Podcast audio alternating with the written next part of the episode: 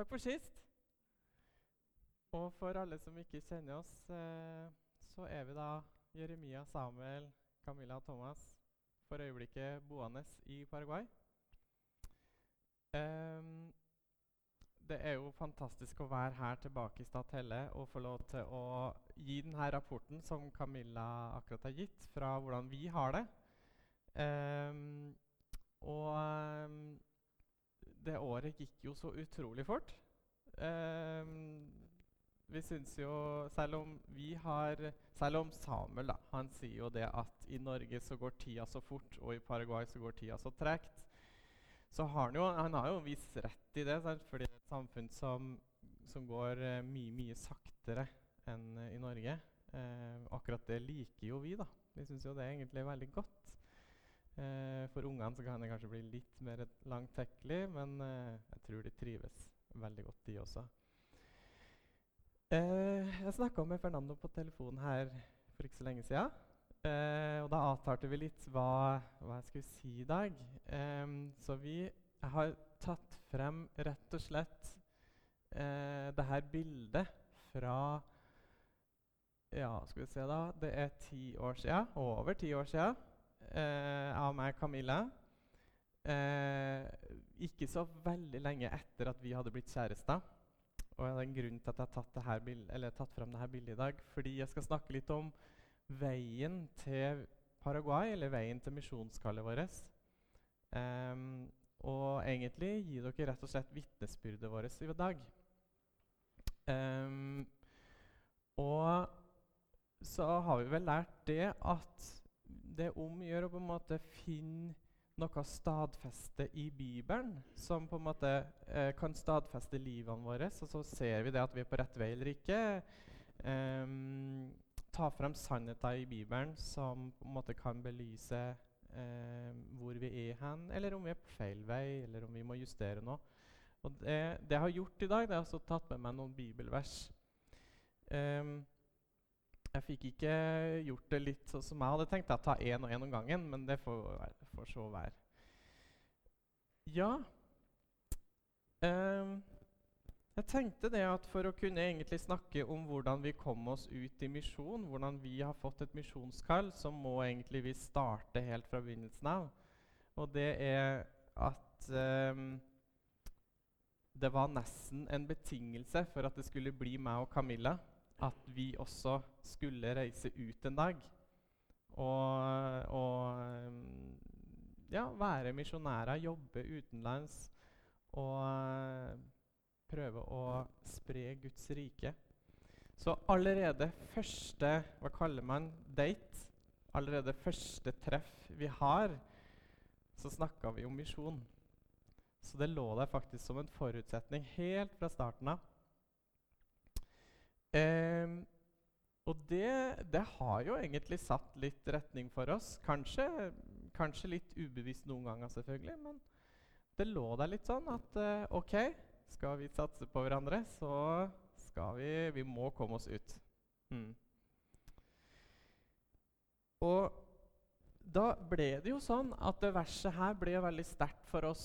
Um, det at Jesus sier til sine disipler før han forlater dem, at 'Jeg har fått all makt i himmelen og på jorda'. Gå derfor, gjør alle folkeslag til disipler, og døp dem til Faderens og Sønnens og Den hellige ånds navn, og lær dem å holde alt det jeg har befalt dere, og se, jeg er med dere alle dager inntil verdens ende. Og det som jeg tenker mye på i det verset her, er nemlig det Han sier ikke her 'gå ut og forkynn. Gå ut og um, vis hvem jeg er. Gå ut og syng om meg. Gå ut og les om meg fra Bibelen. Nå var jo ikke Bibelen der ennå, men uh, hva er det han egentlig sier? Han, han samler jo, for alt det, les, det, alt det jeg sa nå, er jo bruddstykker av det som egentlig står. For hva sa han egentlig? Gå ut og gjør alle sammen til disipler, ja. Hva betyr det, da? Det betyr ikke bare det at vi skal ut og forkynne sånn at noen kommer til tro.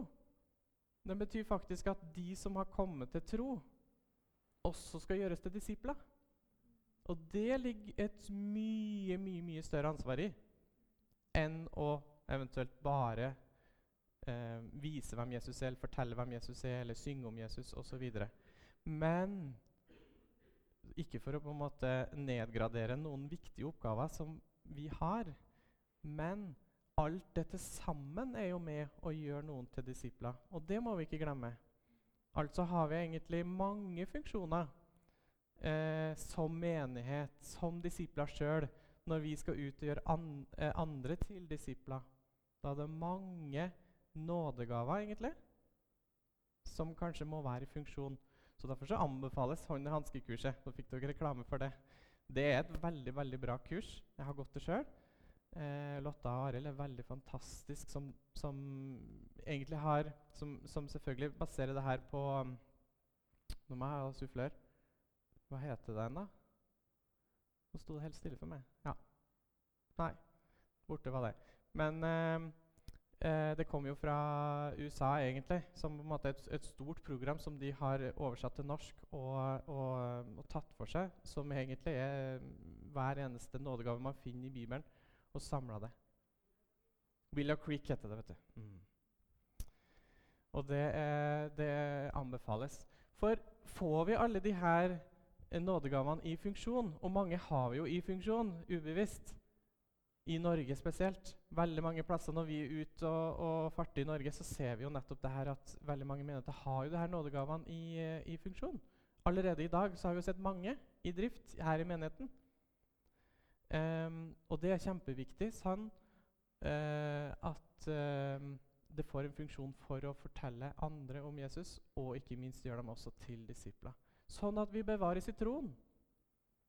Sånn at man også får en effekt av å spre det videre. Ok, Jeg kommer tilbake til akkurat det. Um, ja, og så var det sånn um, For min del så starta det som 13-åring. Um, jeg har vokst opp i en uh, kristen familie, en familie som ble skilt etter hvert. Skilsmisse med mine foreldre.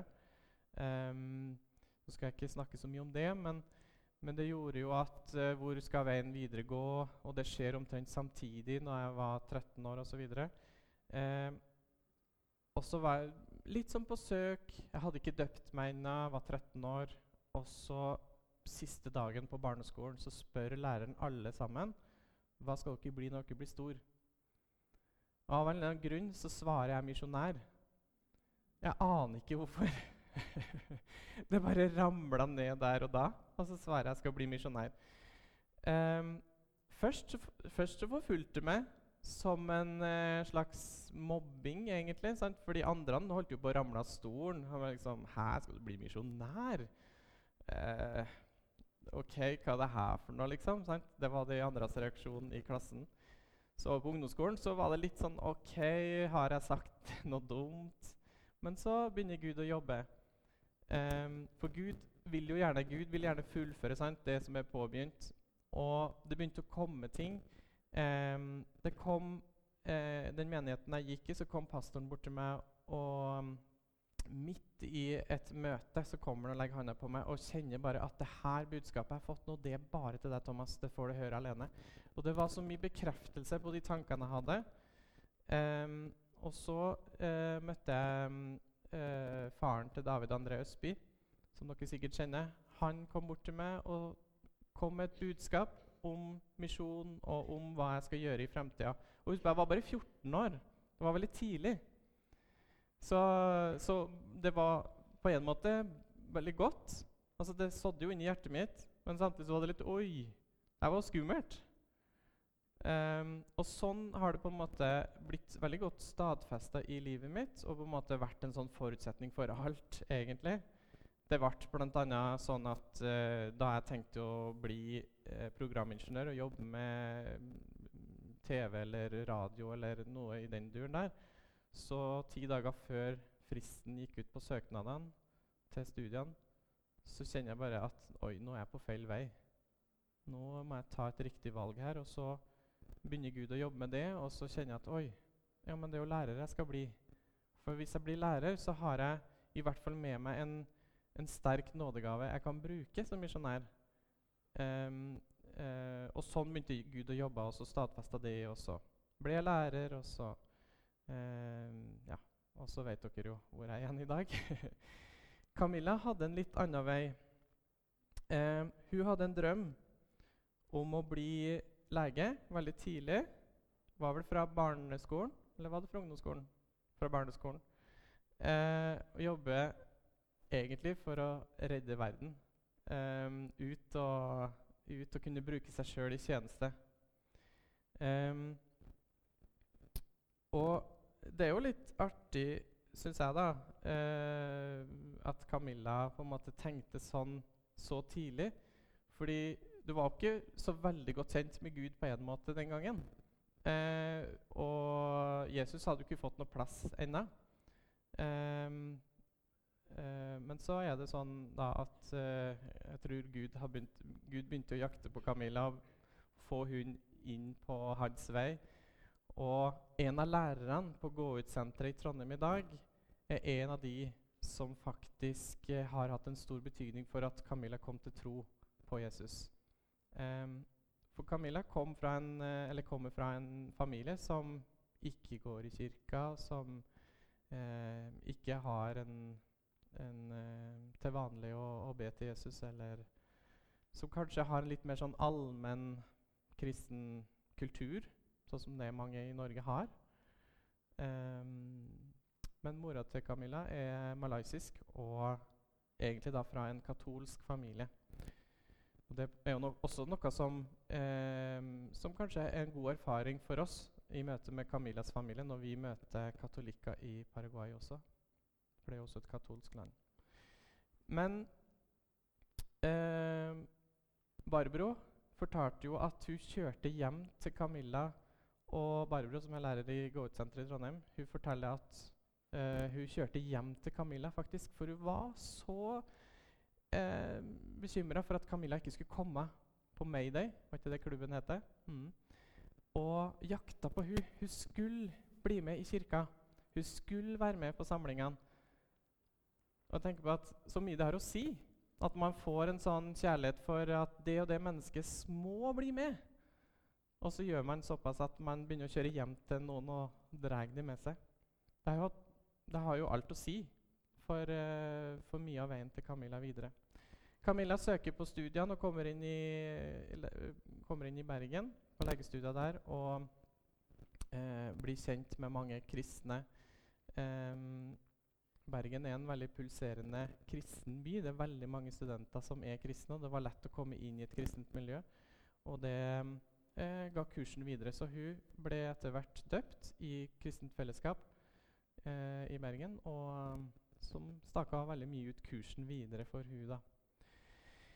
Og så, ikke for å ta alle detaljer, så må vi jo videre. Um, vi møtte hverandre og eh, som sagt begynte å snakke om misjon allerede på første date i Oslo.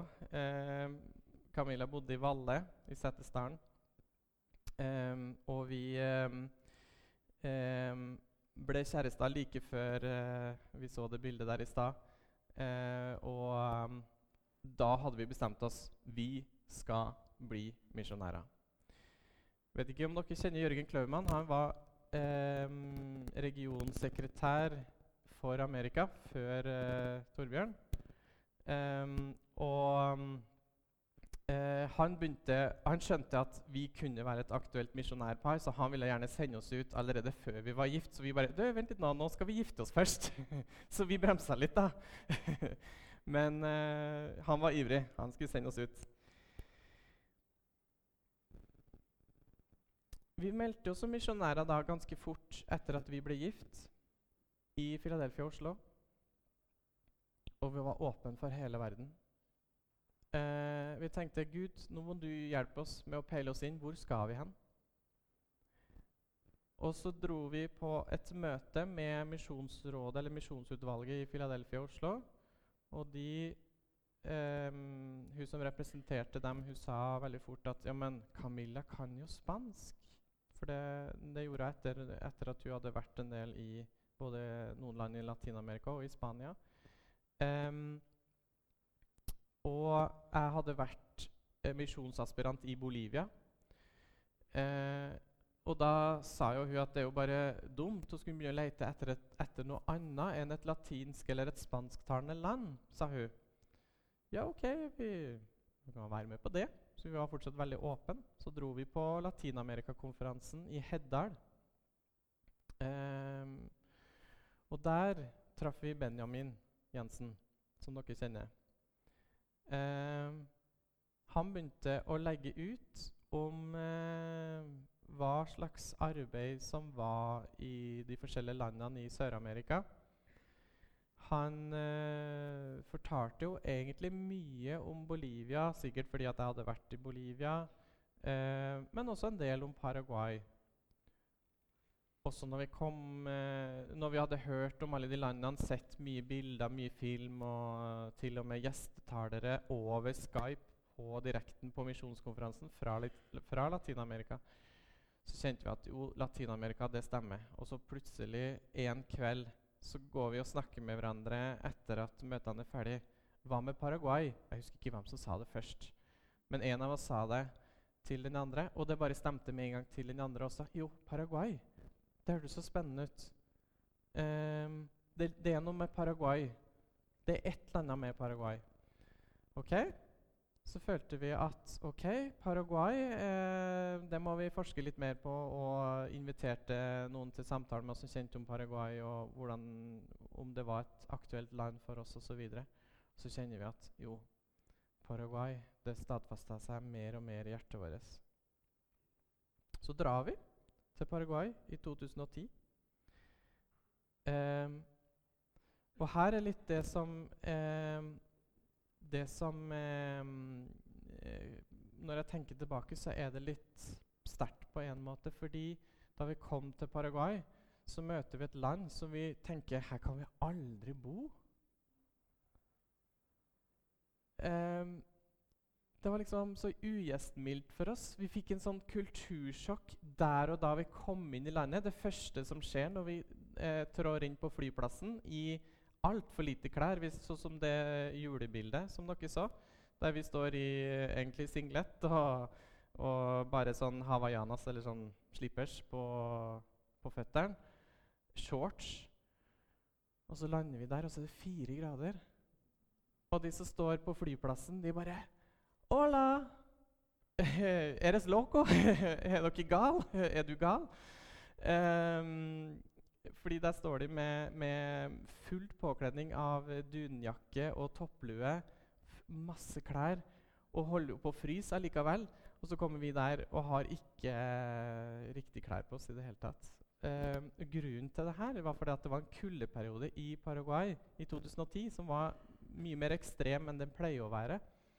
Eh, så det var fire grader kjempelenge. Skolene var stengt. Og det, var, det, er ganske ille i Paraguay når det er fire grader, for da, da, kan faktisk folk dø. Fordi de har jo ikke hus, det der. sant? Um, og så føler vi liksom at bli, vi blir møtt på den måten. Hva er det her? Vi skal liksom komme og kjenne på kallet vårt. Vi skal liksom komme hjem og, og kjenne hvor sterkt kallet er til Paraguay. Så følte vi at det her, det her var jo så annerledes enn det vi hadde forventa. Um, og så er vi rundt allikevel lydige da, og reiser rundt i Paraguay og kjenner på veldig mye arbeid som er der. Og vi føler at um, ja, det er, det, det er, spennende ting, men det, det, er fortsatt liksom Det her er vanskelig, altså. Det her er, det er skikkelig tøft å skulle flytte til, til Paraguay, til det her landet. Um, og så på slutten av reisen så, så, møter vi Lars Morgan Føland. Det er kanskje noen som kjenner til han. Eh, han, er da nei, han er da onkelen til eh, læreren vi har nå. Eh, så han er også da barn til Lars Føland, som bor i Paraguay fortsatt, i en alder av 84 år. Um, en tidligere misjonær, og han er jo vokst opp der ute, kjenner kulturen veldig godt og har vært misjonær sjøl i Argentina, eh, men også Paraguay. Um, og så får vi en god samtale med han fordi han ble tilfeldigvis for oss, eller i menneskelige øyne, så ble han tilfeldigvis med eh, på å kjøre oss eh, fra en by langt nord eh, ned mot hovedstaden. Eh, noe som overhodet ikke var planlagt. Han hadde ikke trengt å gjøre det i det hele tatt, men han ble med eh, uten at vi hadde bedt om det, vi heller. Men den samtalen, det skapte mye i oss. Eh, noe som vi kunne ta med tilbake til Norge og grunne på samtidig som vi måtte på en måte bearbeide de her møtene med Paraguay. Og det handla om hva er egentlig et kall? Det var det han snakka mye om i, på den bilturen. Um, og det går kanskje opp for oss at uh, OK, vi må gjennom noen kultursjokk. Uh, vi må gjennom noen tøffe runder når vi skal flytte fra en sånn kultur som vi er vant med i Norge, og over til en kultur som bare Det, er så vanskelig å sammenligne de to, for de er så forskjellige. Um, og det må liksom bare oppleves. Vi må gjennom det. Så når vi kommer tilbake til Norge Vi hadde da, vi hadde da um, flytta fra Oslo til Trondheim. Um, og eh, vi kjente jo at eh, vi måtte sette bremsene på, vi måtte bearbeide Paraguay. Um, og så var ikke vi heller helt likt, da, jeg og Camilla. Vi hadde nok, jeg var veldig klar for å reise ut som misjonær. Um, Camilla var nok ikke like klar. Så vi måtte gjennom forskjellige runder ettersom hvor vi var hen. Uh, og så kom vi opp i et hus som hadde veldig mange mangler. Det var faktisk så mye mangler at vi havna i rettssak på huset. Så vi kjente at det var veldig mye som måtte på plass i Norge først. Før vi kunne, før vi kunne si at nå er vi klar for å reise ut. Og så merka vi også at i tidlige runder med å søke støttepartnere, så vi fikk, ikke, vi fikk stort sett ikke svar. Og skjønte at det her går jo ikke. Vi har ikke noe økonomi å reise ut på. Og så noen positive bremser, eller hva skal vi si, eh, hendelser også, er jo det at vi fikk Jeremia Eh, Samuel var jo med oss ut første gangen, så han har vært med oss eh, i flere år. Men eh, Jeremia han er jo et nytilskudd i familien. Nå er han jo fire år da snart. Men, eh, men eh, da, da, måtte vi på en måte bli enda litt lenger i, i Trondheim og i Norge og, og finne litt mer ut av når skal vi reise ut. Um, ja, før Jeremia kom, da, så, så tok vi også et, eh, et, halvår på Misjonsskolen Gå-ut-senter, vi også. Som vi um, hadde studenter fra nå siste år, og som vi skal fortsette å ha studenter fra. Um, og det er klart at Der fikk vi også litt mer sånn Vi fikk jo sortert litt og, um, og kjent på nytt det at Gud kaller oss, men at vi fortsatt ikke var helt klar for å reise. Um, uh, så eh, det var godt å ha et stort fellesskap rundt oss, et stort nettverk rundt oss som kunne eh, være med å løfte oss og være med å inspirere oss og være med oss og, og stake ut retninga sammen med oss. Um, og um, ja. Og så kommer vi frem til at vi begynner å kjenne på at nå nå må vi reise ut. Hvis ikke så blir det jo ikke noe av. Da kom vi på en måte til det punktet. Eh, og da var vi over i, i 2015, og eh, på slutten av det året så begynner vi en søknadsrunde på støttepartnere. Eh, og tenker at det vil jo sikkert ta tid den gangen her også. Og Så kommer vi over nyttårsskiftet til 2016. og Det er ikke mange som har respondert på søknadene ennå. Så eh, det var liksom Vi kjente at eh, ja, vi må nå bare fortsette å søke, og vi må fortsette å be. og eh, Vi trenger mange støttepartnere. Eh, vi trenger mange støttemenigheter for å kunne få til det her økonomisk. Og så eh, var det én ting som begynte å ta litt plass i hjertet mitt, og det er neste bibelvers. Det er Matteus 14, 28-29. Dette er jo noe vi har lest utallige ganger. sant? Um, og like, på en måte så er det like utfordrende hver gang, for jeg tror ikke jeg har vært borti eller hørt en historie om eller noen som noensinne har fortalt at etter Peter så har det vært et menneske som har gått på vannet. Har dere det? Så det er jo såpass utfordrende, for å si det, for å si det sånn. Um, men allikevel så er jeg jo ikke i tvil om at det her faktisk skjedde. Det er jeg ikke. Men jeg tenker i mange, mange ganger etter eller på en måte mange ganger når jeg tenk, begynte å tenke på det verset her i 2015 og i 2016, så er det jo mye det her kan overføres til. Det må ikke være det at du skal faktisk gå på sjøen, fordi det har jo ikke så veldig mye funksjon i seg sjøl. Det er ikke så veldig spesielt å skulle gå på vannet, egentlig. Men det har jo blitt et uttrykk for oss. Det har blitt noe som eh, faktisk utfordrer oss, nemlig det å kunne stole så mye på tro at du slipper tryggheten. Og det kan være ganske vanskelig i Norge, fordi vi har så mye trygghetsrammer rundt oss. Vi er et samfunn som er fullt av rammer. Eh, jeg og Camilla vi har jobba i barne- og ungdomspsykiatrien. Og da er vi i møte med veldig mange instanser. Sant? Vi møter med skole, vi møter med annen helse på sykehuset, vi, vi møter med barnevern. Um, og nå har jeg sikkert glemt masse, men vi er innom veldig mange instanser som er egentlig til hensikt å hjelpe ett eller mange barn eh, i Norge for at de skal ha det trygt, få sine primærbehov dekt, eh, ha, ha, kjærlighet til stede i livet sitt. I Paraguay så eksisterer jo nesten ikke noe av det her. Det fins helse, det fins skole, men skole spesielt er relativt dårlig tilbud. Det er egentlig ikke en sånn veldig god trygghetsramme, um, som jeg kunne ha sagt mye om. Men Um, det er veldig vanskelig også da i Norge, tenker jeg noen ganger, å faktisk bryte med sikkerheten rundt seg. Fordi jobb også i Norge er jo en veldig sikker ting. ikke sant? Så det som skjedde, var det at Oi, jeg er nødt til å si opp jobben min.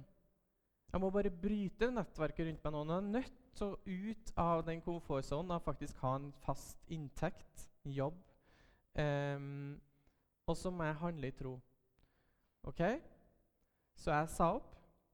Etter hvert så sa Camilla opp, og da løsna jeg. Og da falt det så mye på plass på så kort tid at vi sa vel kanskje sånn i februar-mars at eh, ja, vi har jo egentlig tenkt oss ut til høsten, men jeg vet sannelig ikke om vi får det til. Og så kommer vi til 1. juni, da jeg da, jeg, ja, da har jeg siste oppsigelsesmåneden min. Og da har så mye av økonomien kommet på plass at vi kunne eh, snakke med f.eks. Bjørn Bjørnø, regionsekretæren i Nei, generalsekretæren i PIM, i Pinsevennenes Ytremisjon, og på en måte eh, presentere Så langt har vi kommet nå. Og da sier han ja, vet du, da tror jeg dere er klare til å reise ut. Og vi kjente at eh, utsendermenigheten vår, Betel Trondheim, også var veldig trygge på at nå står vi der og er klare til å reise ut. Og ikke minst vi sjøl kjente at OK, nå er det klart. Nå kan vi dra. Og så vet vi jo det at eh, Peter han begynner jo å tvile der. Og det er jo ofte sånn etterpå at vi, vi, går jo Det er jo ikke sånn at vi bare Yes, nå har vi det klart. Nå har vi økonomien på plass. Nå reiser vi. Og, og det kommer jo dager hvor vi på en måte tenker litt Ja, ja. Um, det går jo bra, håper vi. vi så litt tvil i dag. Um, og det tenker jeg er så menneskelig. Det er akkurat det vi menneskene gjør eh, ofte. Og det som, eh, Hvis du kan ta neste verset, så er jo faktisk Jesus utrolig radikal. For han sier jo eh, Nei, jeg tenkte på neste verset i samme kapittel. Hvis du får til det.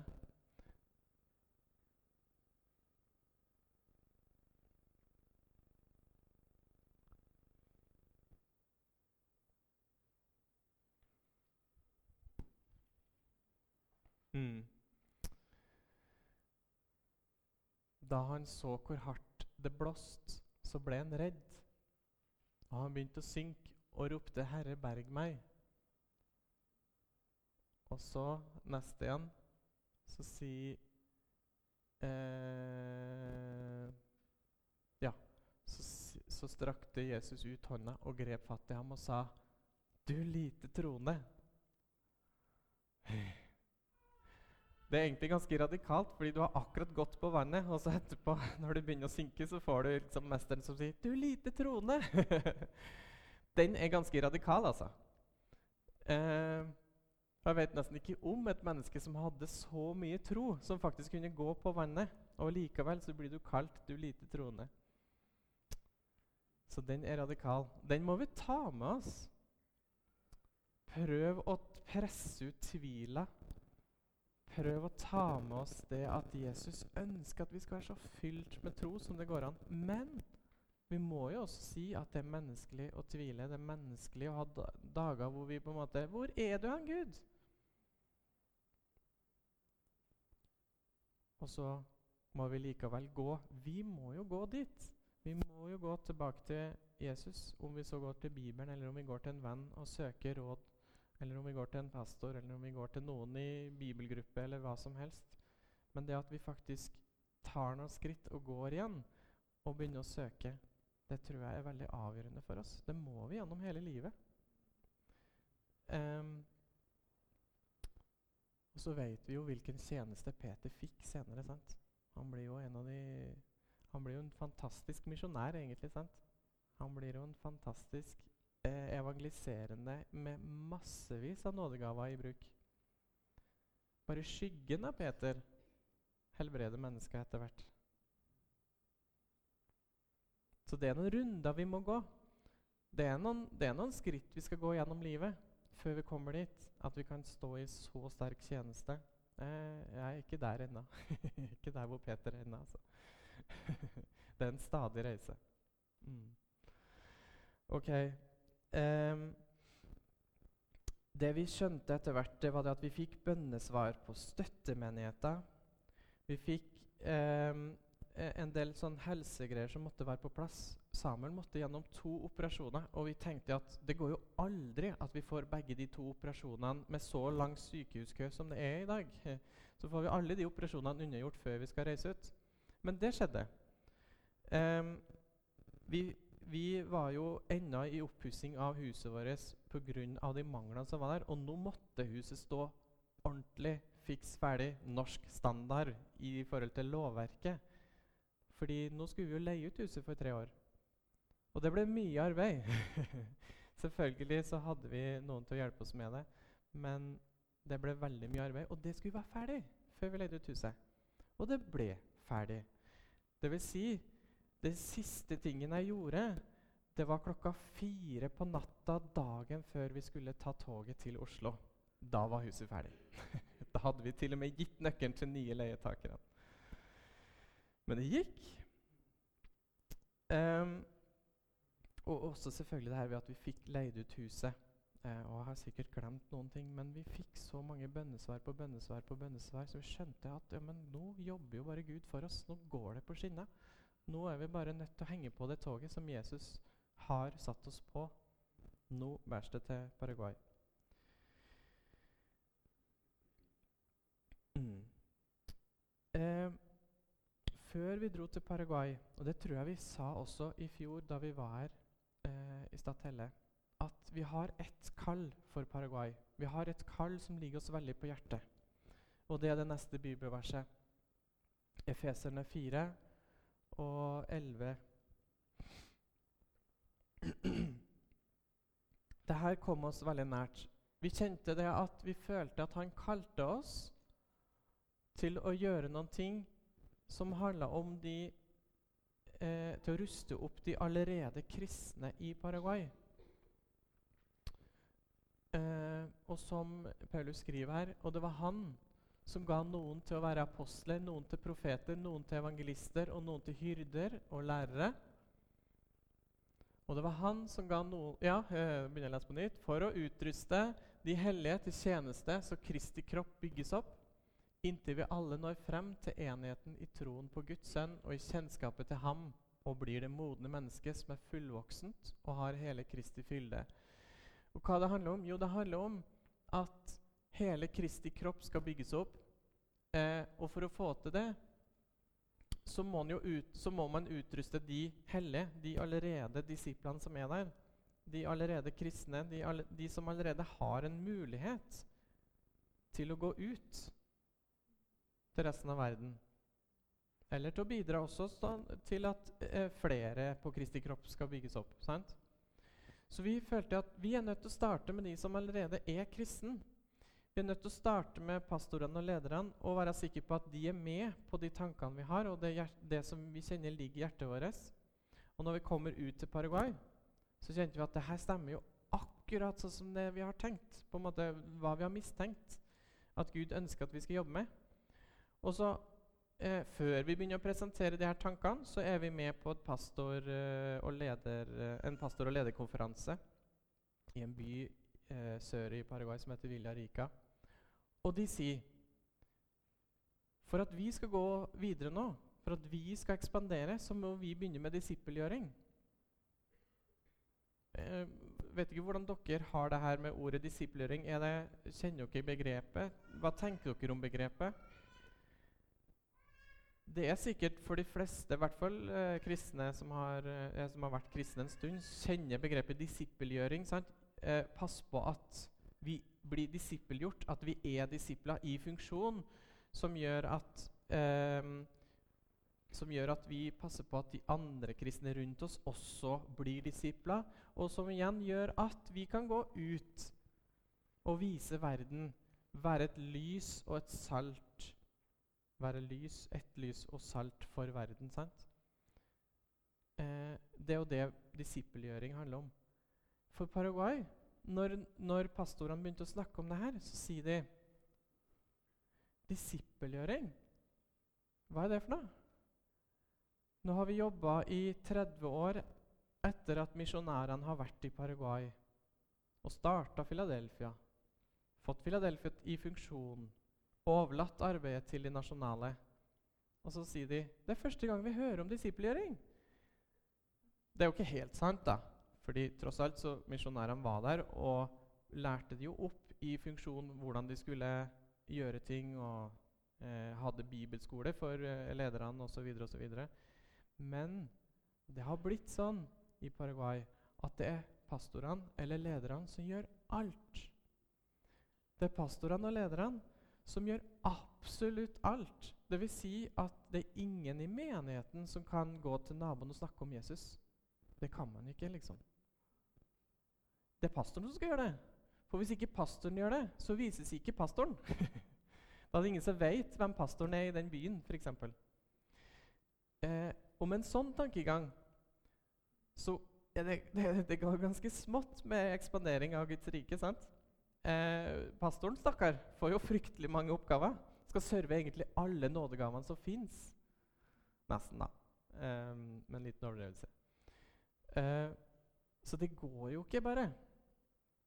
Og de ser jo det sjøl at vi må jo Vi må egentlig lære oss å delegere. Vi må lære oss til at vi som Kristi kropp skal jobbe sammen og fortelle om Jesus, sånn at Guds rike brer seg utover. Og Det var akkurat det her som vi kjente veldig på. Eh, og så begynner vi å presentere de her planene om at vi tenker å jobbe med akkurat det. Vi tenker at menigheten skal komme i en funksjon hvor de trives i oppgavene sine.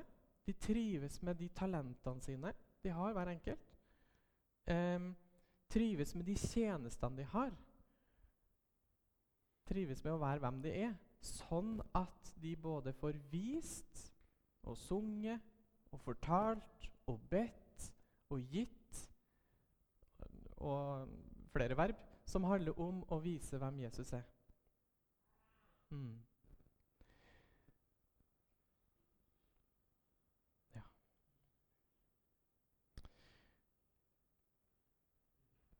Og det som har vært litt på hjertet også nå um, Ja, det, det, må jeg jo si først. Um, det er sånn da at Når vi begynte å presentere det her, så sier jo pastoren at ja, det her vil vi være med på.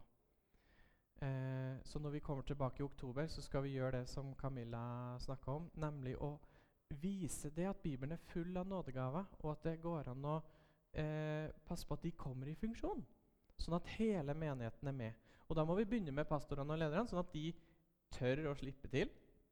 At de tør å delegere, og tør at, eh, at det, det, popper opp med mennesker som har lyst til å være disipler og tjene Gud i å være også evangeliserende sjøl.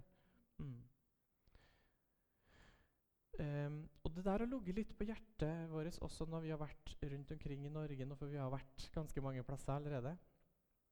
Um, for jeg tror også i Norge så kan vi utfordres i Er jeg en tjeneste for Gud? Så kanskje sitter noen her i dag som tenker Har jeg en tjeneste i Gud? Har jeg en tjeneste i denne menigheten? Er jeg med på noen ting?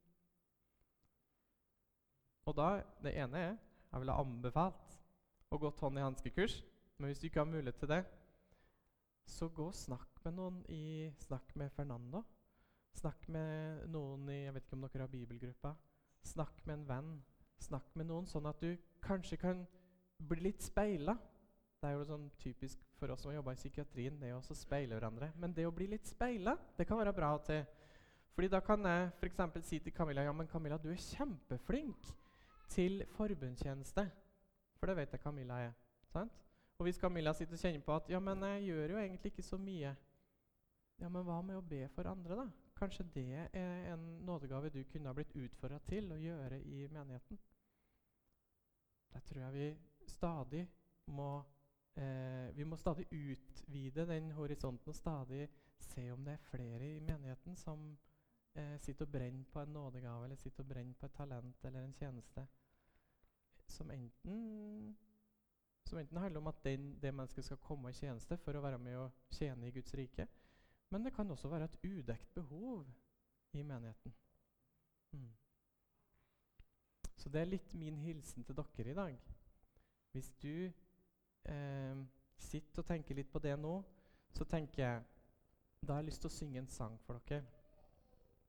En sang som også er litt spesiell for meg, som handler om at eh, at Gud skal åpne mine øyne, sånn at jeg ser det behovet han ser. Og løs fri mine hender, så jeg kan gjøre det som han vil at jeg skal gjøre.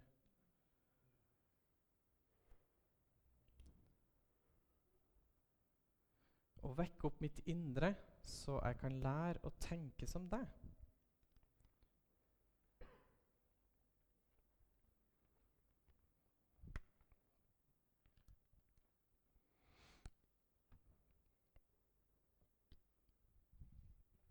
Hvis det er greit, så Så mediter litt på det jeg sa, eller tenk litt på det jeg sa, og kjenn om det er noe du skal ta med deg i dag som en hilsen fra oss. Um, og kanskje som en hilsen fra Gud. Og bare vær med og be litt mens jeg synger.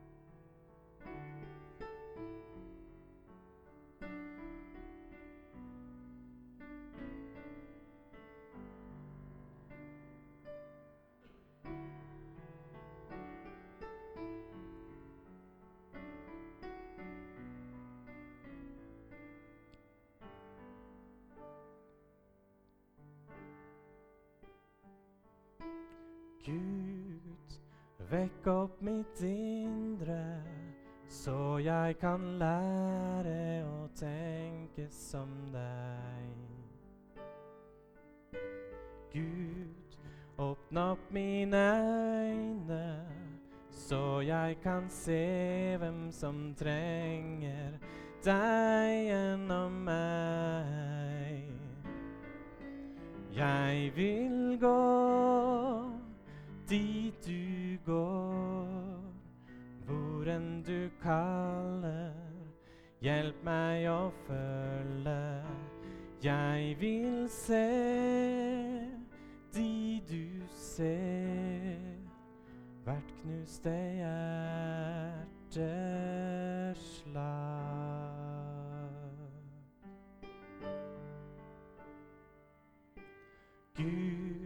Løs fri mine hender, så de kan gjøre det de var skapt til. Gud, vis meg din vilje, for dit du går er også der jeg vil. Jeg vil gå går, hvor enn du kaller. Hjelp meg å følge. Jeg vil se de du ser, hvert knuste hjerteslag.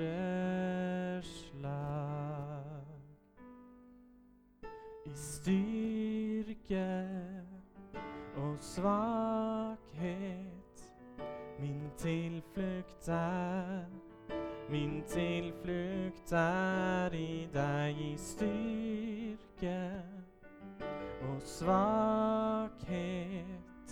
Min tilflukt er Min tilflukt er i deg i styrke og svakhet. Min tilflukt er Min tilflukt er i deg i styrke og svakhet. Min tilflukt er i deg. Jeg vil gå dit du går, hvor enn du kaller.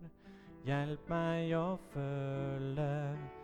Jeg vil se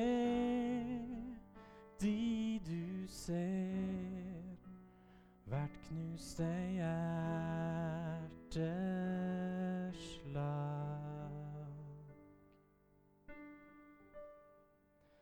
Kan finne håp hos deg.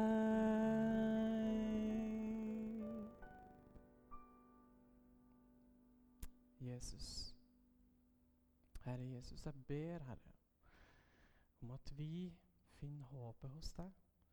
At vi klarer å søke til deg. At vi klarer å søke til deg med en lengsel etter å se mennesker satt fri. Etter å kunne være til hjelp for ditt rike, Jesus. Sånn at vi kan eh, bidra til at mennesker har det bedre, til at mennesker kan finne veien til deg, Herre til å finne trøst hos deg, Jesus. Til å ikke minst være et salt og et lys for deg, Herre. Og så ber vi Jesus om at når du ser de alle menneskene rundt omkring som lider, som har en nød i blikket sitt, Herre, så ber jeg om at det skal vi også få se. Sånn at det legges ned i hjertet vårt en lengsel etter å gjøre noe. Etter å handle på ditt ord. Etter å spre ditt rike, spre håp, Herre. Det ber jeg om, Jesus. Jeg ber om at du velsigner hver enkelt som er her på møtet i dag. Og velsigner hele menigheten her i Statelle. Og ber Jesus om at de skal kjenne på at ditt rike ekspanderer og utvider seg, og stadig er levende, sånn at det er mange flere mennesker her på Statelle og i området rundt som kommer til tro på deg, her, Jesus. La de aldri få lov til å miste motet på at ditt evangelie sprer seg, Herre. Og at du har en kraft, Herre Jesus, i ditt evangelium. At ditt blod har den utrolig store kraft, Herre Jesus, til å sette oss fri fra synd, Herre. Til å få tilgivelse, Jesus. Og at Norge, at Statelle, skal se det, Herre. Hvor viktig du er, Jesus. Hvor viktig ditt blod er, Herre. Så takker jeg deg, Jesus, for at Statelle er med oss som støttemenighet når vi er i Paraguay.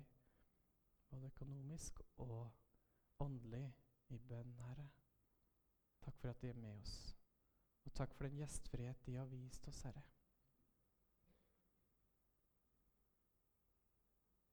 I Jesu navn.